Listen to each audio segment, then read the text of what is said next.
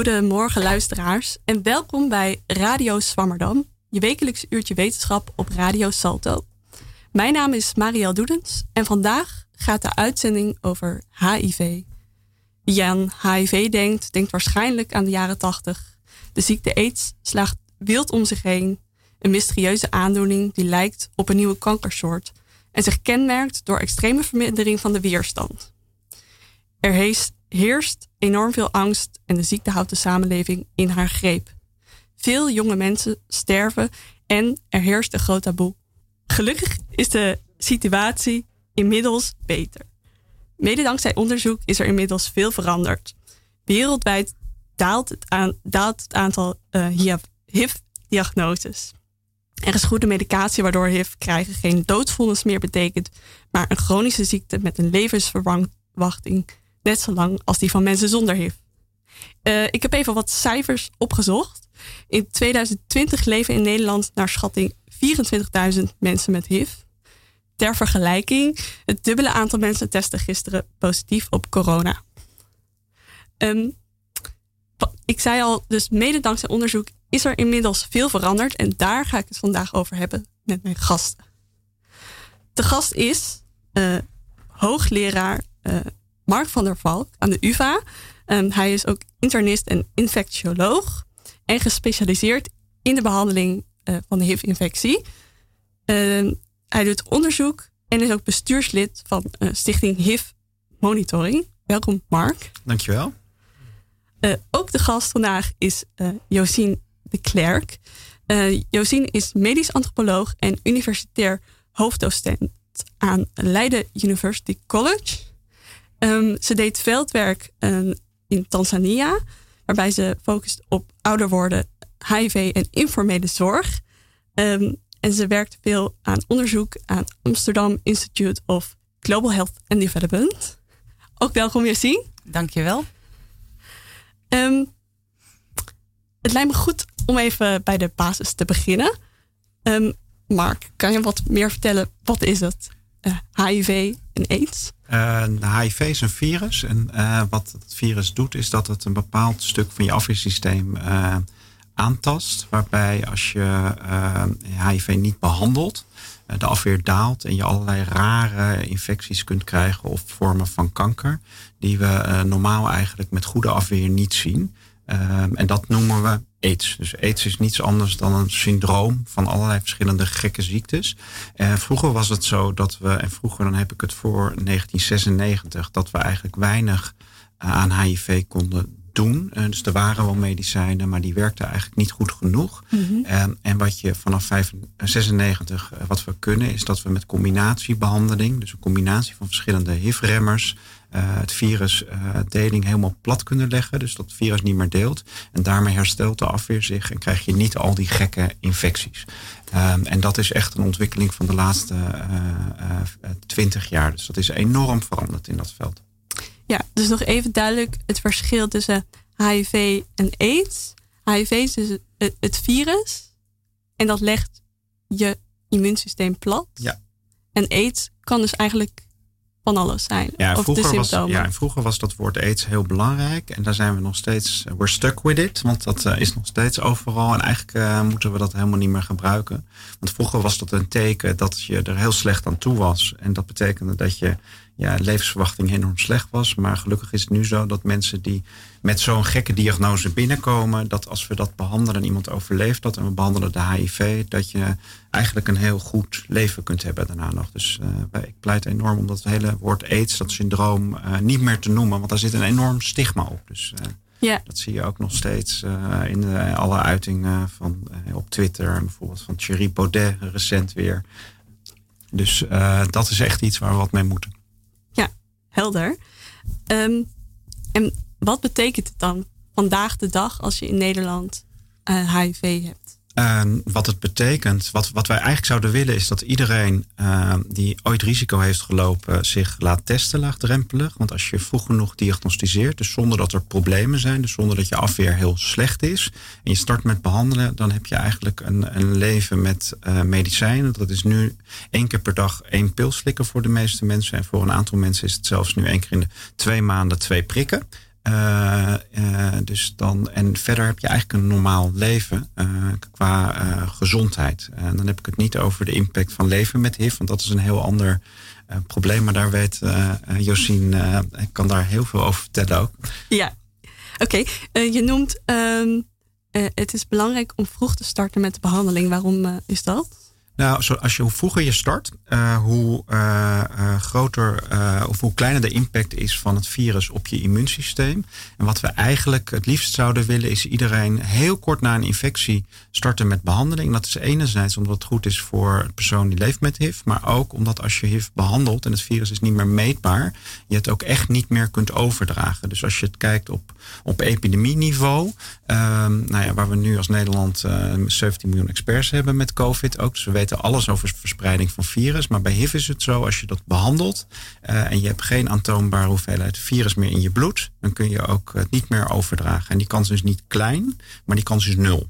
Ja. Uh, en dat is een enorme belangrijke boodschap. En dat noemen we N is N. Niet uh, meetbaar is niet overdraagbaar. En dat is ook voor, voor mensen die leven met HIV een hele belangrijke uh, boodschap. want die draagt enorm bij aan de destigmatisering van HIV. Dus het is nog in Nederland, ook in Nederland nog steeds zo dat uh, als je leeft met chronische ziekte HIV, uh, dat je daar eigenlijk niet over kunt praten. Terwijl als je met suikerziekte leeft of met andere chronische ziektes, dat dat veel normaler is. Dus er hangt nog steeds een taboe om leven met HIV. En dat heeft uh, de deels te maken met hoe je net eraan komt. Dus lifestyle, seks. Nou, seks vinden we allemaal heel moeilijk om over te praten. maar eigenlijk zou dat, zou dat anders moeten. Ja, dus eigenlijk hangt dat stigma van misschien de jaren tachtig nog steeds om HIV. Maar iemand kan heel lang en gelukkig leven.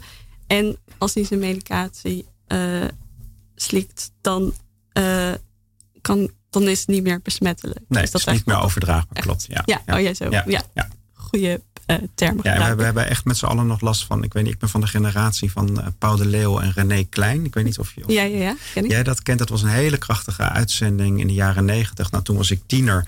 Uh, dat heeft een enorme impact gehad op mijn uh, opvoeding en ook mijn kijk op HIV. Maar dat is nog wel steeds hoe het grootste deel van Nederland over HIV denkt. Want dat beeld was zo krachtig. Dat was een jonge jongen, uh, die, een hele mooie jongen, die optrad, mooie liedjes zong en die overleed aan HIV.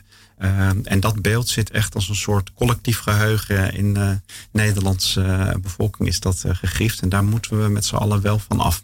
Ja, dus we kunnen het vaak, niet vaak genoeg zeggen nee. eigenlijk in dit soort uitzendingen. Um, um, UNAIDS stelde in 2014 het doel uh, 90, 90, 90 voor 2020. Kan jij uitleggen wat dat betekent? Ja, dat is, dat is een politieke statement waarbij uh, ja, je hele hoge ambities moet hebben wereldwijd. En wat ze eigenlijk gezegd hebben is dat uh, in 2020 90% van iedereen die leeft met HIV in de wereld uh, gediagnosticeerd moet zijn. Dus weet dat hij leeft met, hij zij leeft met HIV. Dat daarvan 90% behandeld moet worden. waarvan dan weer 90% succesvol behandeld moet worden. Dus met een onmeetbaar laag virus, zodat je het niet kunt overdragen. En wat had het dan in? Uh, in de praktijk succesvol behandelen dat je dus continu. Dat je, ja, medicatie dat, dat je medicatie neemt uh, en dat we in het bloed kunnen zien dat het virus niet meer aantoonbaar is. Ja, helder. En um, was dat een realistisch doel, denk je? Uh, nou, het is heel ambitieus. Uh, voor uh, de westerse wereld is het een realistisch doel. En doen we het eigenlijk heel erg goed. Dus als je kijkt naar West-Europa, Amerika, Australië, dan zijn er veel landen die dat doel halen. In ontwikkelingslanden gebeurt er ook heel veel. Is er door dat doel enorm veel geld gepompt in diagnostiek. Ook in preventie, want daar hebben we het niet over gehad. Maar er is dus naast dat je je vroegtijdig kan diagnosticeren ook een pil, uh, PrEP-pil, uh, mm -hmm. die voorkomt dat je HIV krijgt. Dus als je uit een risicogroep komt waar je uh, hoog risico hebt om HIV op te lopen, dan kun je jezelf beschermen met zo'n prik. pil, sorry. En daar is enorm veel gebeurd. Dus, dus ook in ontwikkelingslanden heeft dit een enorme ja, een slinger gegeven aan uh, HIV-diagnoses en behandeling. Um, en een aantal landen hebben dat ook daadwerkelijk gehaald. Ja, ja. Um, kun je nog wat meer vertellen um, over, over PrEP? Je zei het al kort. Ja, dus, dus uh, er, is, er is een een pil. die heet PrEP, dat is de HIV-preventiepil. En die kun je, kun je eigenlijk nemen uh, om te voorkomen dat je HIV krijgt. Uh, dat is een pil die moet je of dagelijks slikken uh, als man of uh, rondom seks. als je denkt dat, dat, je, je, dat je extra bescherming nodig hebt. En daarmee ja, is de kans om HIV op te lopen enorm veel lager. Die gaat echt meer dan 90% vermindert dat. En dat is een pil die via de SOA-polies en, en ook via huisartsen in Nederland verkrijgbaar is. Ja, en dat heeft dus, als ik je goed begrijp, een groot aandeel gehad in het behalen van die doelen ook. Deels, deels. Dus, dus wat de impact is geweest van die, van die pil in Nederland op de epidemie, daar is het eigenlijk nog te vroeg voor. Want uh, hij is in Nederland pas vanaf 2019 beschikbaar. Uh, dus uh, het effect daarvan kunnen we nog niet heel goed zien. We zien wel ieder jaar een enorme daling van het aantal nieuwe uh, mensen met HIV in uh, Nederland. En uh, ja, dat, daar heeft PrEP vast een rol in. Maar we zijn ook veel alerter op diagnostiek. Dus we, testen vaker op HIV. Dat moeten we nog veel vaker ook, ook gaan doen. en we behandelen iedereen. En dat is eigenlijk het allerbelangrijkste. Als je goed behandeld wordt, nou, wat ik net zei, heb ik een paar keer gezegd. Maar dan kun je het dus niet meer overdragen. Ja, ja. dus dat is erg belangrijk. Um, um, wat wat kan er nog beter dan in de, in de uh, Nederlandse zorg? Nou, nee, een heleboel kan er beter. Dus wat er beter kan en moet ook, is dat uh, ja, uh, mijn collega-dokters vaker moeten denken aan HIV. Dus er zijn nog steeds heel veel mensen, ook in Nederland, meer dan de helft van iedereen met HIV, komt veel te laat uh, in zorg. Dus die diagnose wordt veel te laat gesteld. Dus uh, of ze hebben dan hele lage afweer of uh, al allerlei complicaties. Um, en ja, dat moet echt beter. Dus er zijn een aantal ziektes of aandoeningen waarbij je eigenlijk een HIV-test moet doen. Mm -hmm. ja, en dat begint gewoon met vragen naar of iemand seks heeft met mannen of met vrouwen en of risico loopt. En dat is een vraag die veel van mijn collega's denk ik te weinig stellen. Dus dat is eigenlijk waarmee het, uh, waarmee het begint. Mm um, mensen zelf, denk ik, moeten ook zich bewust zijn dat HIV niet meer een doodsvonnis is, maar dat dat uh, chronische ziekte is. Dus als je risico hebt gelopen ooit, uh, laat, je dan, laat je dan testen. Dat kan heel laagdrempelig. En daarmee voorkom je heel veel ellende. En kun je met eenmaal per dag één pil ehm, ja, gezond oud worden. Ja, helder.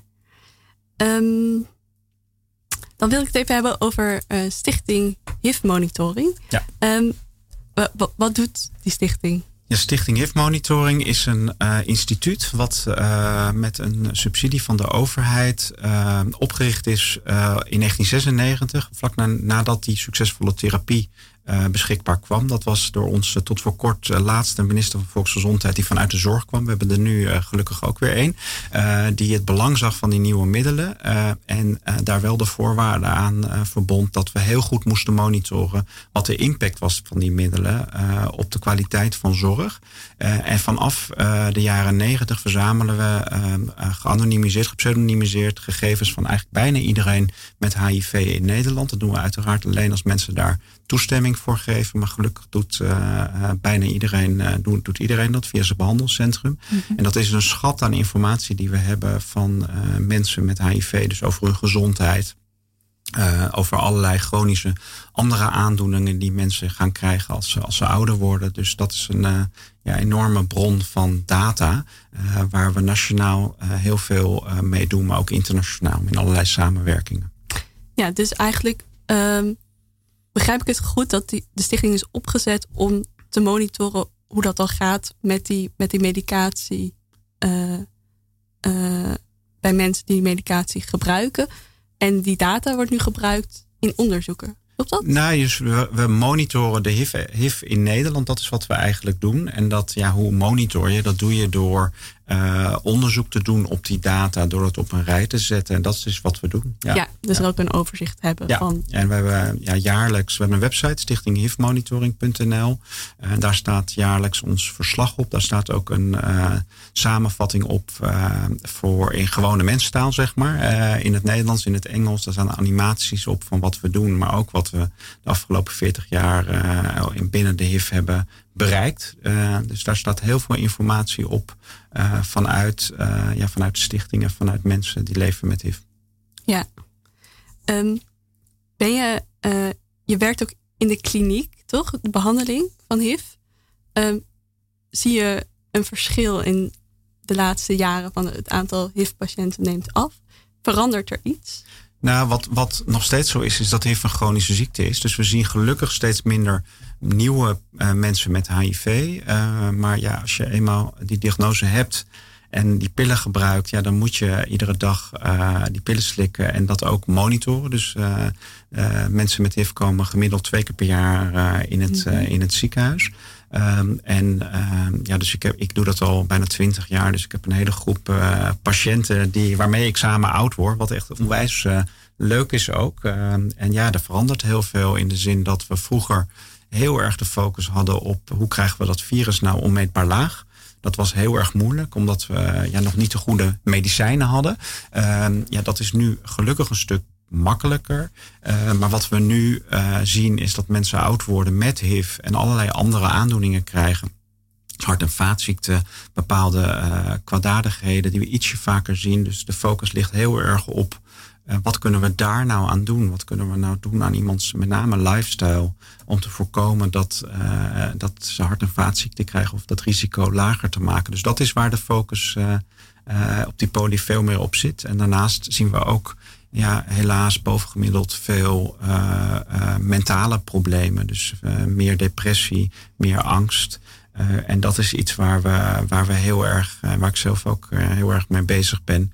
Om te kijken van wat kun je nou organiseren om mensen zich niet zo alleen te laten voelen met dat geheim HIV, want dat is het nog steeds. Dus ik werk hier in het Amsterdam UMC, dus locatie AMC in Amsterdam Zuidoost. Dus we hebben veel ook patiënten uit Nigeria, Ghana, Sub-Sahara-Afrika. En daar is het helaas nog zo, ook in Nederland, dat als je leeft met HIV en uh, je uh, vrienden of familie komen daarachter, dat dat verstrekkende gevolgen uh, kan hebben. Dus ik heb echt hele tragische verhalen van mensen uh, waar een, een, potje medicijnen gevonden werd onder een kussen. Wat heeft geleid dat kinderen weggehaald zijn naar een familie in Engeland. Dat hun huis uitgegooid worden. Dus dat gaat echt, echt heel ver. maar ook, ook Nederland, Nederlands geboren in Nederland ervaren diezelfde problematiek. Dus we moeten veel meer doen aan uh, ondersteuning uh, door experts die ook leven met HIV. Dat heet peer-to-peer -peer support. Oké, dus, uh, dus eigenlijk patiënten, mag ik dat zo zeggen, ja, uh, die uh, HIV hebben en daar andere mensen mee helpen. Ja, dus dat, dat zijn uiteindelijk de, de echte de, de experts, maar ook de stakeholders die het meest weten wat de impact is van uh, wat het betekent om te leven met HIV. Uh, en die uh, ja, moeten we eigenlijk veel meer inzetten binnen de zorg. Dat zouden we moeten doen. Er zijn wel hele mooie initiatieven in Nederland die daarmee bezig zijn. Onder andere de Vereniging Nederland doet daar heel veel aan. Mm -hmm. En er zijn een aantal organisaties, Stichting Mara en Shiva, die dat voor migranten doen. Die hebben allerlei programma's. Uh, maar om vanuit ons mensen in die programma's te krijgen, vanuit ons bedoel ik de zorg, ja, daar moeten we het echt beter doen. En uh, uh, op dit moment is het heel veel vrijwilligerswerk, of bijna allemaal wordt het de inzet van die vrijwilligers ook niet vergoed. en is de drempel naar die zorg heel erg moeilijk voor veel patiënten, omdat het zo'n geheim is. Dus zelfs als wij zeggen, uh, je kunt met iemand praten die ook leeft met HIV, uh, dan is dat vaak toch nog te eng. Ja, dank je wel, uh, Mark. Deze mooie introductie. Um, ik ga zo verder praten. Um, eerst wil ik even tussendoor nog even mijn co-presentator en technicus Anke introduceren. Welkom ook, Anke. Hi, hallo. ik zit in de techniekhok aan de overkant. Um, je hebt ook een, een scriptie geschreven over HIV. Kun je kort vertellen waar het over ging? Um, ja, dat is een scriptie vanuit uh, de opleiding geschiedenis. Dus um, ja, ik heb het dan specifiek geschreven over, um, over voormalig Joegoslavië. Dus ja, Oost-Europa, daar lag mijn focus. En hoe dat dan, ja, eigenlijk dus sinds de jaren tachtig, hoe de, hoe de zorg daar ja, is ontwikkeld. Oké, okay interessant. Kun je, kun je iets over vertellen over wat je gevonden hebt of niet? Um, nou, misschien is dat ook wel interessant ehm, om over te hebben met, met Mark. Dat één onderzoek uit Servië wees uit dat ja, ze hadden toen ook problemen met de medicijnen. En um, veel, veel um, patiënten die wilden toen ook helemaal geen medicatie meer nemen. Omdat ze bijna dachten, ja, dit is allemaal vergif en ik word hier alleen maar zieker van. Terwijl ja, in, in werkelijkheid is het natuurlijk nodig om, om de HIV te onderdrukken. Maar het was best wel lastig ook om uh, ja, patiënten trouw de medicatie uh, te laten nemen. Dit is dan ja, in, in Servië in de uh, begin jaren 2000. Maar hoe was dat in Nederland? Nou, dat was en is nog steeds de grootste uitdaging uh, in uh, behandeling van HIV.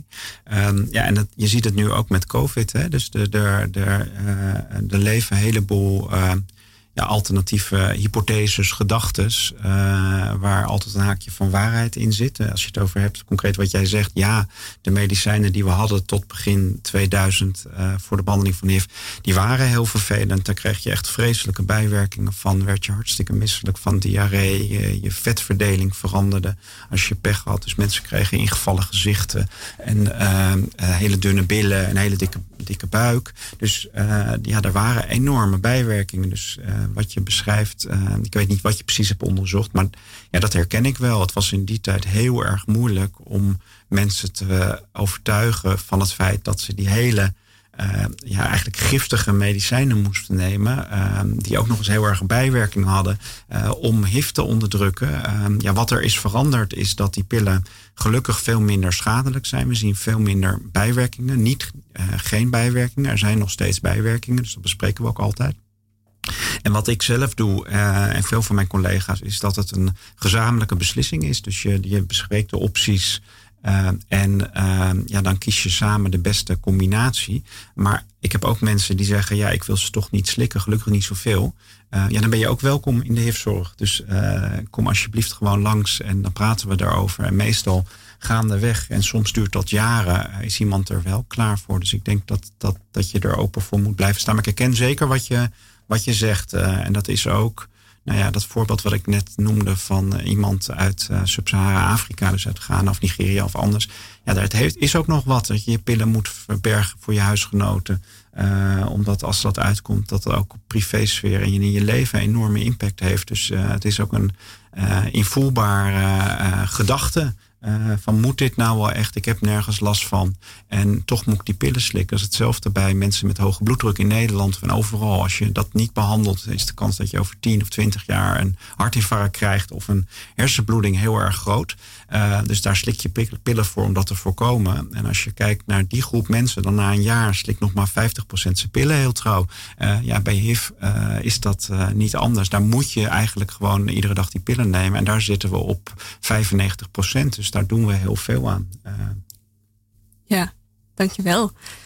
Um, we gaan even terug in de tijd. Um, je hebt jaren onderzoek gedaan en ook veel meegemaakt in de veranderingen met HIV. Um, willen even, ik wil even luisteren naar een fragment uit 2003. een speech van president Bush die een plan lanceert om miljoenen levens te redden in Afrika. Today on the continent of Africa, nearly 30 million people have the AIDS virus, including 3 million children under the age 15. There are whole countries in Africa where more than one third of the adult population carries the infection. More than 4 million require immediate drug treatment. Yet across that continent, only 50,000 AIDS victims, only 50,000, are receiving the medicine they need. Because the AIDS diagnosis is considered a death sentence, many do not seek treatment. Almost all who do are turned away. A doctor in rural South Africa describes his frustration. He says we have no medicines. Many hospitals tell people, you've got AIDS. We can't help you. Go home and die. In an age of miraculous medicines, no person should have to hear those words. Ja, no person should have to hear these words. Um, Josien, kan je je nog uh, herinneren, deze speech? Wat deed je op dat moment?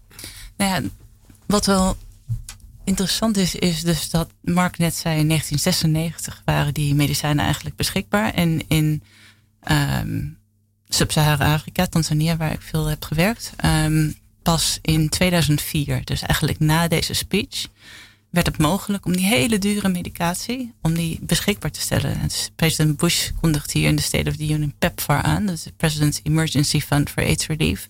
heeft eigenlijk de hele wereld van de HIV-zorg in Tanzania veranderd. Of in Sub-Sahara-Afrika veranderd. Um, wereldwijd eigenlijk. Um, ik werkte op dat moment uh, al een aantal jaar in Kenia en Tanzania. Um, dus dat is heel interessant om dan te zien hoe een ziekte die in feite dodelijk is, waar mensen dus uh, ja, sociale, maar ook letterlijke dood, uh, hoe die langzaam gaat veranderen in een chronische ziekte, waar mensen dus blijven leven. Uh, dus dat was een, voor mij is het een, een heel belangrijk moment. Um, waar ik precies was op dat moment, weet ik niet meer. nee, maar ik, weet wel, ik, herinner me heel erg het, het gevoel van anticipatie. Um, ik werkte in 2001 voor Artsen zonder Grenzen in Kenia. En we waren heel erg aan het lobbyen en activisme om die medicijnen beschikbaar te maken en goedkoop te krijgen. Um, en dat dat dan op een gegeven moment beschikbaar komt. En die anticipatie van oké, nu gaat het dus echt veranderen. Ja. Ja. Een, een hoogtepunt kan ik me voorstellen in, in die zorg.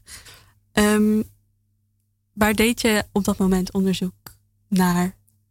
Ik heb um, in uh, die tijd deed ik onderzoek naar ouderen die zorgden voor uh, de mensen die aan het sterven waren en voor de kinderen die ze achterlieten. En mijn onderzoek ging, mijn promotieonderzoek ging over hoe verandert informele zorg in families. Want er is daar geen zorg voor ouderen, um, behalve de familie. Dus hoe verandert de informele zorg voor en door ouderen um, in die tijden van um, sterfte? Ja. Ja. Helder. En, en kan je beschrijven hoe, hoe jouw werkplek eruit zag? Uh, woon je in een dorp daar? Ja, dus ik deed onderzoek in een, um, in een dorp in het, uh, in het gebied, uh, Kagera regio in Tanzania. Dat is het epicentrum van de allereerste uh, Afrikaanse AIDS-epidemie. Dus dat is net onder Oeganda, waar het in 19, nou, de eerste cases waren er eigenlijk al zichtbaar in 1982, 83. Dus op dat moment waren er al heel veel mensen overleden en waren gezinsstructuren behoorlijk aangetast. Uh, ik woonde in een uh, dorp en ik deed onderzoek met de, de ouderen in dat dorp. Um, eerst door het optekenen van levensverhalen. Dus uh, ik ging in één wijk in dat dorp iedereen interviewen en vragen van nou, hoeveel kinderen heb je, hoeveel kinderen zijn overleden, wie zorgt allemaal voor jou, voor wie zorg jij? En daarna um, het, um, daarna deed ik, uh, ging ik de verhalen volgen. Dus uh, ik had een groep van elf ouderen geselecteerd en ik ging kijken waar praat men wel over en waar is men stil over. Dus ik volgde de roddel, ik stol en ik volgde de stilte. Mm -hmm. Om een voorbeeld te geven. Um, op een gegeven moment ging er, er gebeuren altijd dingen in zo'n dorp. Dus op een gegeven moment had een patiënt zelfmoord gepleegd. Uh, door batterijen te slikken, een HIV-patiënt. En daar werd over gepraat, enorm veel. Want dat is natuurlijk een hele heftige gebeurtenis. Eén ouder die zei, uh, ja maar die moeder, dat is toch zo vreselijk. Die heeft haar man net verloren en nu die zoon komt thuis, daar moet ze voor zorgen. Ze heeft haar land verpacht om ervoor te kunnen betalen. Al die kinderen die blijven achter. Ik snap wel dat ze heeft gezegd dat hij HIV heeft. En ook al zeggen mensen daar veel van, ik snap het allemaal wel. Een andere persoon die zei, nee, een andere oudere vrouw die zei, ja, dat kan echt niet. Hoe die moeder praten over die, over die man, dat kan echt niet. En daarom heeft hij zelfmoord gepleegd. Je zegt niet dat je kind HIV heeft, want daarmee maak je hem in feite gewoon sociaal dood. En die patiënt, of die persoon, die was zelf, um, uh, die had diabetes. Uh, dat werd, de symptomen van diabetes, als je dat niet behandelt, lijken erg op HIV. Dus die werd altijd gezien als HIV-patiënt en enorm gestigmatiseerd. Hmm. Vanuit dat perspectief focusde zij heel erg op, de, op die patiënt die had zelfmoord had gepleegd.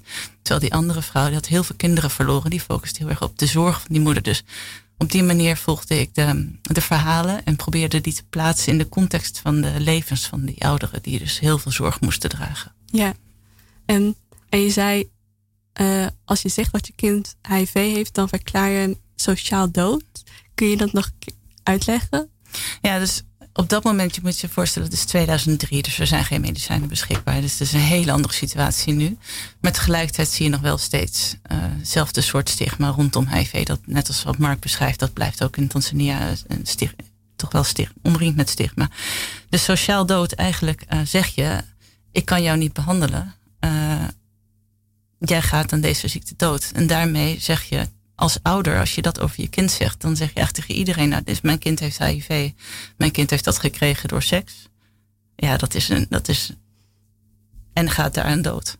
Dus stigma is niet alleen rondom de hele seksuele transmissie of overdraagbaarheid, het gaat ook over het feit dat er gewoon geen behandeling is. Ja.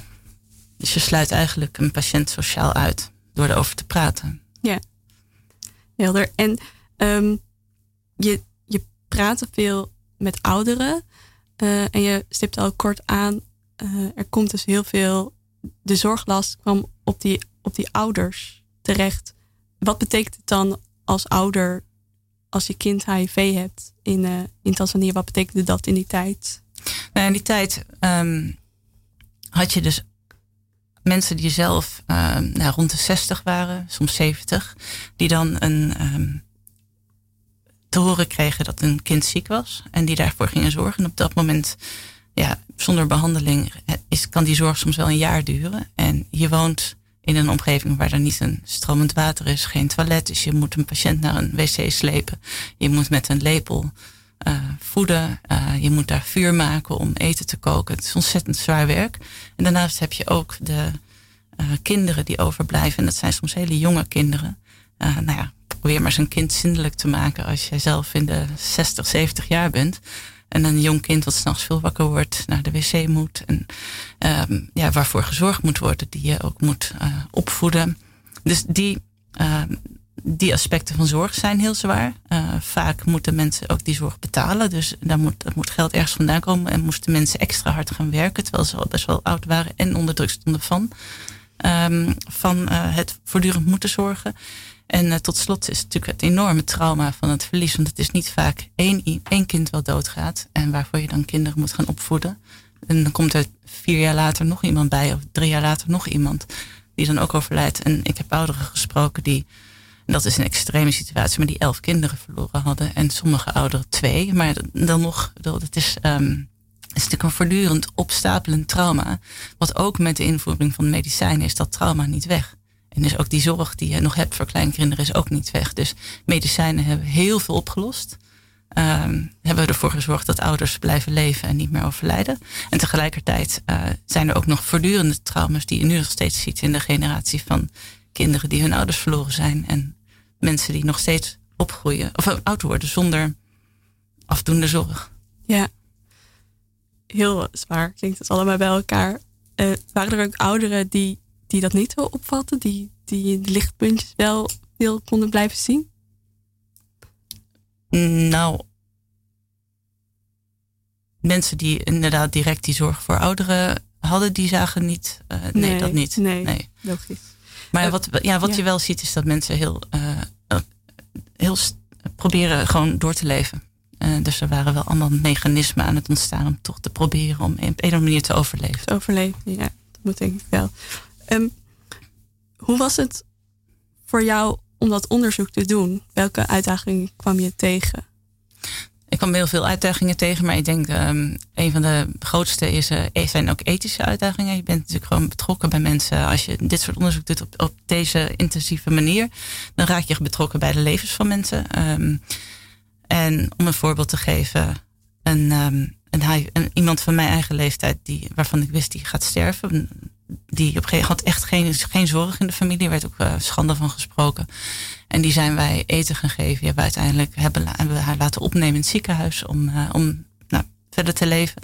Zeg maar, anders zou ze dood zijn gegaan. Um, en op een gegeven moment kwam ze terug naar het dorp. En um, op dat moment had ik, moest ik naar Nederland voor, nou, voor een tussentijdse pauze. En ze zei, ja, als je naar Nederland gaat, dan ga ik dood. En dat was ook zo. Want ik hield haar in feite in leven. En dat heb ik heel erg besproken met de ouderen in het dorp. Van, heb ik daar nou goed aan gedaan of niet? En daarvan heb ik ook weer veel geleerd over wat dan goede zorg is. Dus dat is in die zin, het was een ethisch dilemma voor mij. Ja. Uh, maar tegelijkertijd is het ook iets wat ik dan heb gebruikt om te leren over wat goede zorg is en hoe je je wel en niet moet gedragen. En wat is dan goede zorg? Compassie. Ehm, en uh, het was zelfs zo dat die vader van dat meisje, die is uiteindelijk, heeft hij de allerergste behandeling gekregen die er is, want het dorp is niet naar de begrafenis geweest van haar. Ze heeft haar niet geholpen, hem niet geholpen met het graf graven en met haar begraven. Dus die hebben hem uitgesloten. Omdat hij eigenlijk omdat niet voor Omdat hij niet voor haar gezorgd heeft. Wat vanuit zijn perspectief overigens ook wel weer logisch was. Dus ik heb hem ook geïnterviewd. Maar goed, ja. Ja, dus je leven raakt heel erg verwikkeld. Heel intensief. Je leven raakt verwikkeld. Ja. En dat uh, brengt je soms voor hele lastige keuzes. Ja. Um, ik had het net met Mark over, uh, uh, ook naar aanleiding van de vraag van Anke. In Nederland is dus een, een uitdaging dat mensen de medicatie die er wel is niet gebruiken. Hoe is dat in Afrika? Ja, het gaat. Um, die, ik denk dat dezelfde uitdagingen die Mark noemt, die zie je ook in Tanzania. Um, ik denk ook dat we moeten benadrukken dat het ook in heel veel gevallen heel goed gaat. Dus je hebt, uh, als we het hebben over die 90, 90, 90, ik denk dat heel veel, uh, ongeveer 1, je hebt 1,7 miljoen ongeveer HIV-patiënten in Tanzania. Daarvan staat 75 procent uh, gebruikt medicijnen en dat werkt. Dus die zijn niet meer. Um, het virus niet meer zichtbaar. Dus ja. er zijn absoluut uh, grote successen geboekt daarin. Um, maar er zijn ook nog steeds heel veel nieuwe infecties en ook nog steeds heel veel mensen die er jaarlijks aan doodgaan. En uh, het project wat ik voor de AIGAD heb gedaan, dat gaat, dat is binnen dat hele kader van zorg dat mensen zo snel mogelijk medicatie gaan gebruiken. En dat richt zich op zowel die, mensen, die vele mensen die nu naar de zorg komen, die uit de kliniek krijgen en te kijken of we die medicijnen niet op een andere manier kunnen geven. Dus via clubs in dorpen of via um, nou, langere tijd tussen, het, uh, tussen de controles en het krijgen van medicatie. Maar ook van hoe um, is dat dat traject voor mensen in die zorg komen? Wat gebeurt daar dan allemaal in? En dan zie je dus dat als je kijkt naar, dus naar het register van mensen die dan getest zijn en onmiddellijk in de zorg, en dat is dan binnen een week gestart met behandeling, dat als je daar heel goed naar gaat kijken en mensen gaat interviewen die inderdaad geregistreerd zijn als onmiddellijke behandeling, dat die vaak een heel lang traject hebben gehad voordat ze in die behandeling komen. Dus dat die, die HIV-test, waarin wordt gezegd: oké, nu ben je HIV en nu ga ik uh, positief en nu ga ik naar de kliniek. Dat is vaak het eindpunt voor heel veel mensen van een proces van: oh, ik ben een keer getest, maar ik snap dit echt niet, want ik ben hartstikke gezond. Of ik kan dit echt niet geloven. Ik, kan niet, ik weet niet hoe ik dit in mijn gezin moet oplossen. Want inderdaad, die pillen die kunnen. Uh, waarom ga ik die dan bewaren? Wat gaat er gebeuren als mijn man positief test, uh, als mijn man negatief test en ik positief ben, of vice versa, als mijn vrouw negatief test en ik ben positief, hoe ga ik dat oplossen? En daarin, in dat hele traject, het kan soms twee jaar duren, zie je dus de, het belang van peer support. Um, mensen die zelf HIV-positief zijn, die uh, patiënten helpen om in het reinen te komen met een diagnose. Um, en je ziet ook, en dat vind ik ook denk wel heel belangrijk om te noemen, dat er steeds minder geld gaat.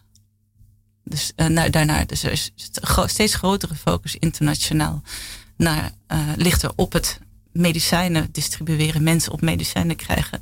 En al het geld wat toen president Bush PEPFAR aankondigde, was er heel veel ondersteuning ook. Heel veel geld voor ondersteuning, sociale netwerken van, van patiënten. En dat wordt eigenlijk steeds meer counseling, wordt steeds minder gefinancierd. Maar mensen hebben dus wel allerlei uh, geestelijke gezondheidsklachten, um, hebben depressies. En ja, dat zie je dus ook in Tanzania. Ja, dus er gaat uh, minder geld naar uh, het verspreiden van medicatie, maar ook de mentale zorg Nee, juist heel veel geld naar de medicatie. Ah, mensen, pillen, pillen in mensen, zeg maar. Heel weinig, veel minder geld dan vroeger. Naar de, het sociale netwerk eromheen. En dat is juist heel belangrijk. Ja. En wat, wel, wat, wel, wat ik wel heel erg vind, is dat je door de, mede door de COVID, maar ook door de iets wat rechts uh, politieke wind die uh, over onze aarde waait, dat, dat die fondsen ook voor, voor HIV-behandeling enorm teruggeschroefd zijn de laatste tijd. En door COVID zijn er enorm, heeft dat heeft een enorme impact gehad ook op de HIV-zorg.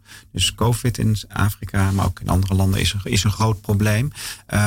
maar dat heeft ook geleid tot problemen met levering van medicatie en beschikbaarheid van medicatie. testen is veel minder. Dus je ziet nu het laatste jaar echt een enorme stijging in het aantal kinderen dat geboren wordt met HIV, wat overlijdt aan HIV. Dus, dus de, de fondsen lopen op allerlei vlakken weer uh, uh, terug. Uh, dus dat is zowel voor de medicatie, maar ook voor ja, het netwerk, ondersteuning. En dat, dat is echt een groot probleem. Want, ja, dus ook is, zit het dan zo dat, dat klinieken helemaal ingericht zijn op bijvoorbeeld op COVID-zorg? Dus dat dat je gewoon minder toegang hebt. Tot, nou, dat je deels, ja, dus dat de, dat de toegang, toegang beperkt is, maar ook gewoon de, nou, maar een van mijn, mijn opleiders, Joep Lange, die heel veel gedaan heeft, Global Health HIV, die riep altijd: je kan overal in de wereld Coca-Cola uh, krijgen. En waarom kunnen we dat niet voor HIV-medicatie doen? En dat heeft een enorme push gegeven, wat ook wat Josien zegt, vanuit PEPFAR, om mensen op behandeling te krijgen. Maar die bevoorrading van die medica medicatie, dus gewoon echt de vrachtwagen die met die pillen rijdt naar het dorp waar die kliniek is, waar mensen naartoe moeten gaan om, om medicatie te halen, die is door COVID onderbroken. Dus er zijn heel veel uh, therapiepauzes. En daarvan weten we dat dat effect heeft op uh, resistent worden van het virus, gezondheid van mensen. Dus het heeft een enorme impact. Maar ook testen is veel minder, omdat die klinieken minder toegankelijk zijn. Klopt. Ja. Um, in ons voorgesprek noemde je ook dat je graag voor beide de hypes kijkt. Dus het beleid van bijvoorbeeld maar uh, uh, dat, dat daarin ook groepen vergeten worden. Nou ja, ik denk dat het um, dat belangrijk is als, als we kijken naar, naar bijvoorbeeld um, indicatoren die gebruikt worden voor succes of uh, van een programma of de cijfers die verzameld worden, de categorieën die we gebruiken, zoals onmiddellijke link naar de zorg. Om te kijken wat, is de, wat zijn alle verhalen die daarachter schuil gaan. Dus dat je je niet blind staat op cijfers. Dat vind ik heel belangrijk. Um, en wat ik, wat ik ook belangrijk vind is, als jij, um, je zegt voorbij de hype, nou, wij, wij hebben ons heel lang gericht op wat we dan noemen de reproductieve uh, bevolkingsgroep, dus tussen 15 en 49. Alsof mensen geen seks meer hebben boven de 49.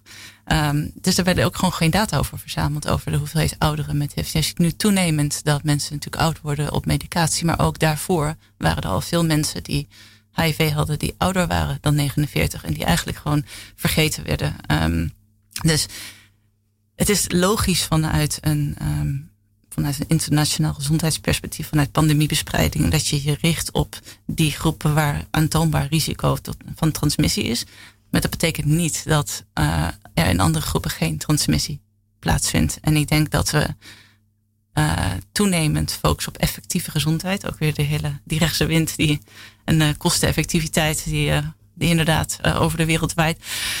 Um, en dat dat dus ook betekent dat de, dat de trends die je hebt om, om je heel erg te richten op, nou ja, we noemen dat dan de yield, hè, het aantal mensen die HIV-positief zijn, dat je dat zo groot mogelijk moet maken met zo min mogelijk middelen ja. die je test.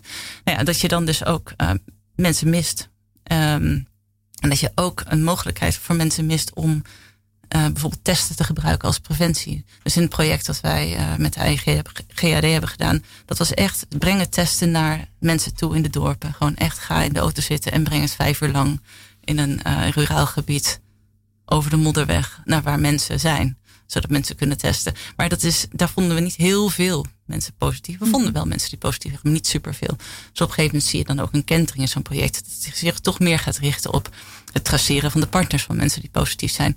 Ook heel logisch uh, vanuit een pandemiebestrijdingsperspectief.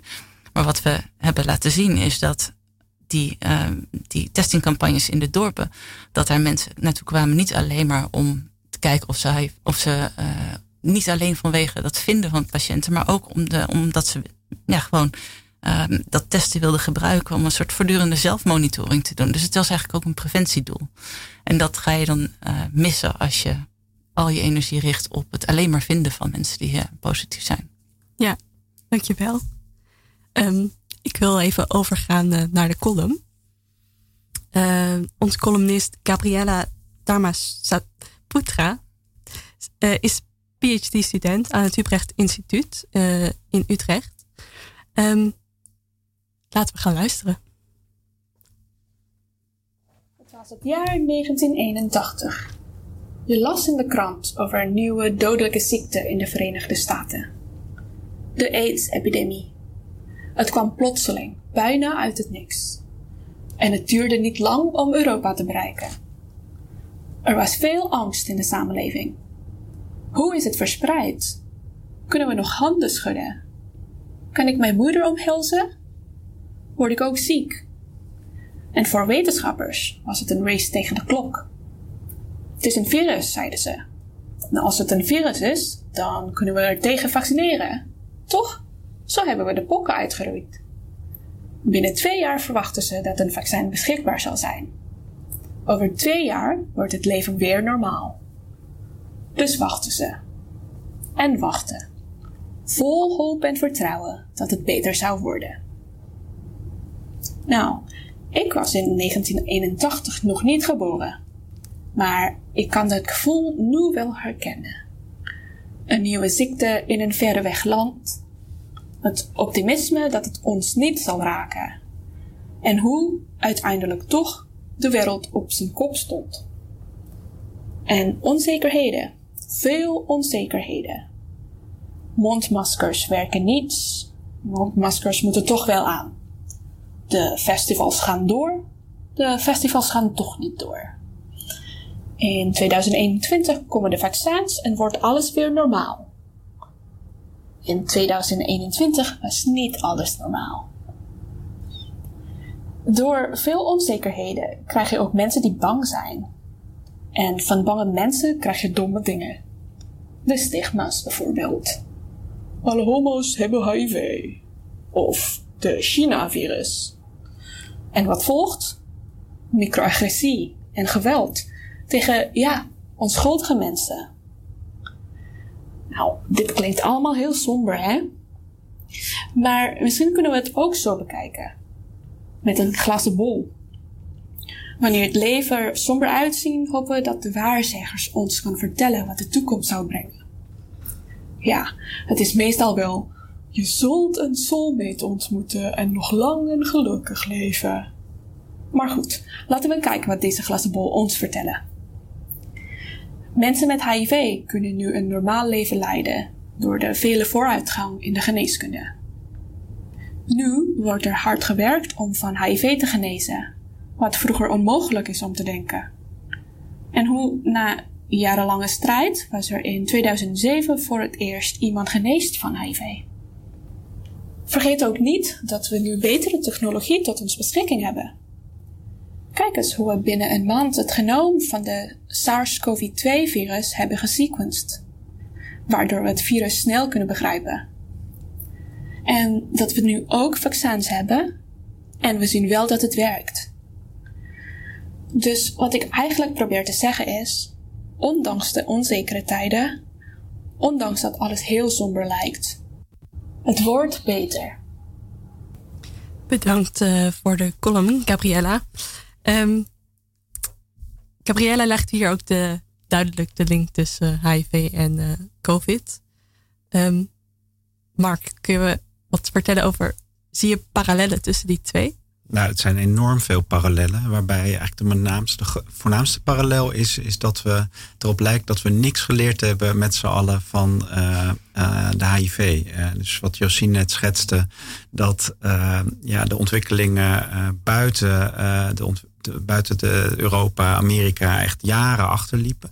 Nou, dat zijn we gaan inhalen. En hoe we dat gedaan door iedereen, iedereen te betrekken, alle stakeholders serieus te nemen en allemaal te horen en samen een strategie op te zetten. Waar we heel succesvol zijn mee geweest in, in de, de HIV-bestrijding. En je ziet eigenlijk nu precies hetzelfde uh, gebeuren met COVID. Uh, waarbij we pas van COVID afkomen als uh, ja, we dat op een uh, mondiale schaal aanpakken met, uh, met vaccins die we, die we hebben, waarmee je ja, toch een enorme impact kunt hebben op de belasting van de zorg.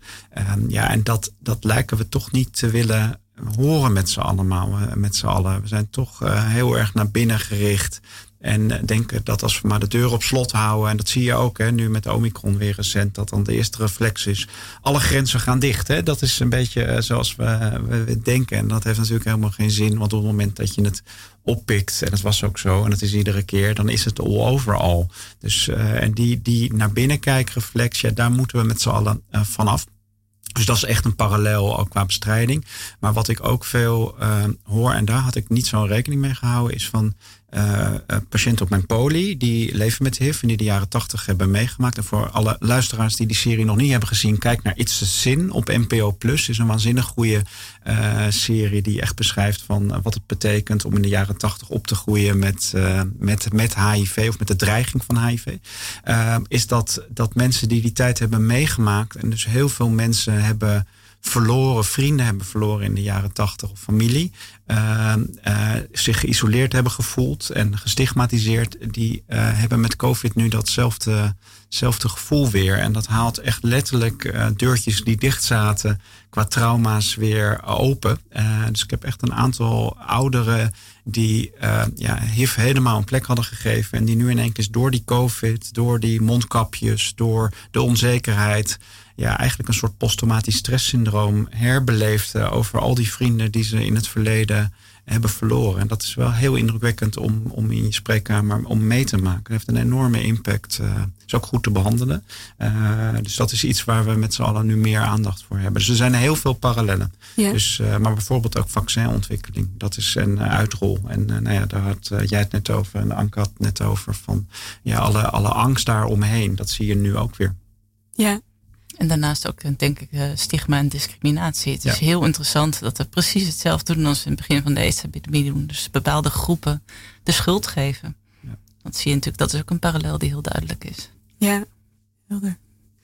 Um, en uh, jullie waren enthousiast over peer-to-peer programma's. Uh, is dat ook iets voor COVID? Nou, dat, ja, dat denk ik wel. Ik denk waar we, als je Nederland kijkt, uh, waar wij uh, in het begin niet genoeg aandacht voor hebben. Het is nu wel, hè, met, de, met de vaccinatietwijfeltelefoon begint het te komen. Gaan collega's van mij de wijken in om uh, met mensen te praten met gelijke achtergrond, culturele achtergrond. Het is natuurlijk heel erg ja, Nederlands georiënteerd. Dus er zijn groepen die gewoon echt niet weten, en die zie ik ook best wel veel op mijn podium, hoe ze die afspraak moeten maken voor dat vaccin. Uh, of, en dat vind ik nog tragischer, patiënten van mijn poli die die brief hebben gekregen. En er stond in die brief voor vaccinatie van overleg als u andere aandoeningen heeft met uw dokter of uh, u gevaccineerd mag worden. En iemand uit uh, Afrika, ja, die ziet de dokter als een soort god. Dus uh, die brief was vijf maanden geleden binnengekomen. En die afspraak bij mij was vijf maanden later. En ja, iemand uit een Nederlandse achtergrond, Caucasische achtergrond, die belt gewoon. Die zegt, kan ik dat doen? Maar ik heb echt heel veel mensen gezien die gewoon vijf maanden hebben gewacht tot ze de afspraak hadden om te vragen of ze gevaccineerd mochten worden en konden worden. En dan zei ik, ja, dat zou ik doen. En dan zeiden ze, oké, dan ga ik nu de afspraak maken. Dus daar zat helemaal geen twijfel. Maar dat was gewoon een, een, drempel ja, die, die, die mensen dan niet nemen, omdat uh, ja, die te hoog is. Ja. We zijn bijna aan het einde van de uitzending. Ik wil afsluiten met uh, een vraag aan jullie beiden uh, over de toekomst. Hoe zien jullie de, de toekomst van de, de HIV-zorg? Een nou, grote vraag. Maar. Ja, een hele grote vraag. En in korte tijd antwoorden. Ja, ik, ik ben wel rooskleurig. Er zijn heel veel ontwikkelingen. Als je het hebt over HIV-behandeling ook. Daar komen een heleboel langwerkende HIV-medicijnen aan. Of die zijn er nu. Uh, zoals twee keer per jaar prikjes of implantaten. Daar wordt nu aan gewerkt. Er wordt heel erg gewerkt aan HIV genezing. Uh, waarbij je dan als doel, het ultieme doel is het laatste virusdeeltje uit iemands lichaam te krijgen. Dat wordt heel erg moeilijk, maar je kunt ook uh, zorgen dat iemand zonder medicijnen de HIV onder controle houdt. Zoals wij hier met z'n allen zitten, hebben we allerlei andere virussen ook in ons lichaam die, die, uh, ja, waar je niet ziek van wordt. Dus daar ben ik heel hoopvol in. Maar dat wordt alleen succesvol als we nu al beginnen met ook met name uh, mondiaal mensen informeren over wat dat aankomt. En ook te luisteren over hoe we dat moeten gaan uitrollen. Dus dat zijn de belangrijkste dingen. Dus ik ben optimistisch. Ik ben ook optimistisch. Ik denk alleen wel dat we ons niet moeten blind staren op technologie, maar ook heel erg moeten investeren in de zorg rondom, uh, rondom de technologie. En uh, ook de mensen die die zorg leveren, en dat is de CP'ers, uh, voldoende betalen. Dat is om eventjes een, een belangrijk statement te maken. Nou, dankjewel. Daarmee zijn we aan het einde gekomen van deze uitzending van Radio Swammerdam op Radio Salto. Vandaag hadden we het over HIV, eh, een ziekte waar je als je de juiste medicijnen gebruikt oud en gelukkig mee kan worden. Um, peer-to-peer programma's die zouden uh, goed kunnen helpen voor mensen met mentale gezondheidsproblemen in Nederland en mensen in Afrika uh, de stap te laten zetten om in die zorg te gaan. Het blijft een uitdaging om mensen die medicatie ook laat, te laten nemen. In de studio waren te gast Mark van der Valk en Josie de Klerk. Heel erg bedankt voor jullie komst allebei. Uh, de column was van de hand van Gabriella en mijn medepresentator technicus was Anke. Ook heel erg bedankt. Deze en andere uitzendingen kunt u terugluisteren als podcast op onze website radioswammerdam.nl en is ook te vinden op Spotify, Soundcloud en iTunes. Live luisteren kan elke zondagochtend om 11 uur via www.salto.nl. Wil je reageren op deze uitzending, dan kan dat via Instagram, Radio Swammerdam, Facebook of Twitter. En u kunt ook reageren door een ouderwetse mail te sturen naar redactie.radioswammerdam.nl. Mijn naam is Marielle Doedens en ik was uw presentator van vandaag. Volgende week zijn we weer met een nieuwe uitzending. Natuurlijk over wetenschap. Bedankt voor het luisteren en nog een hele fijne zondag.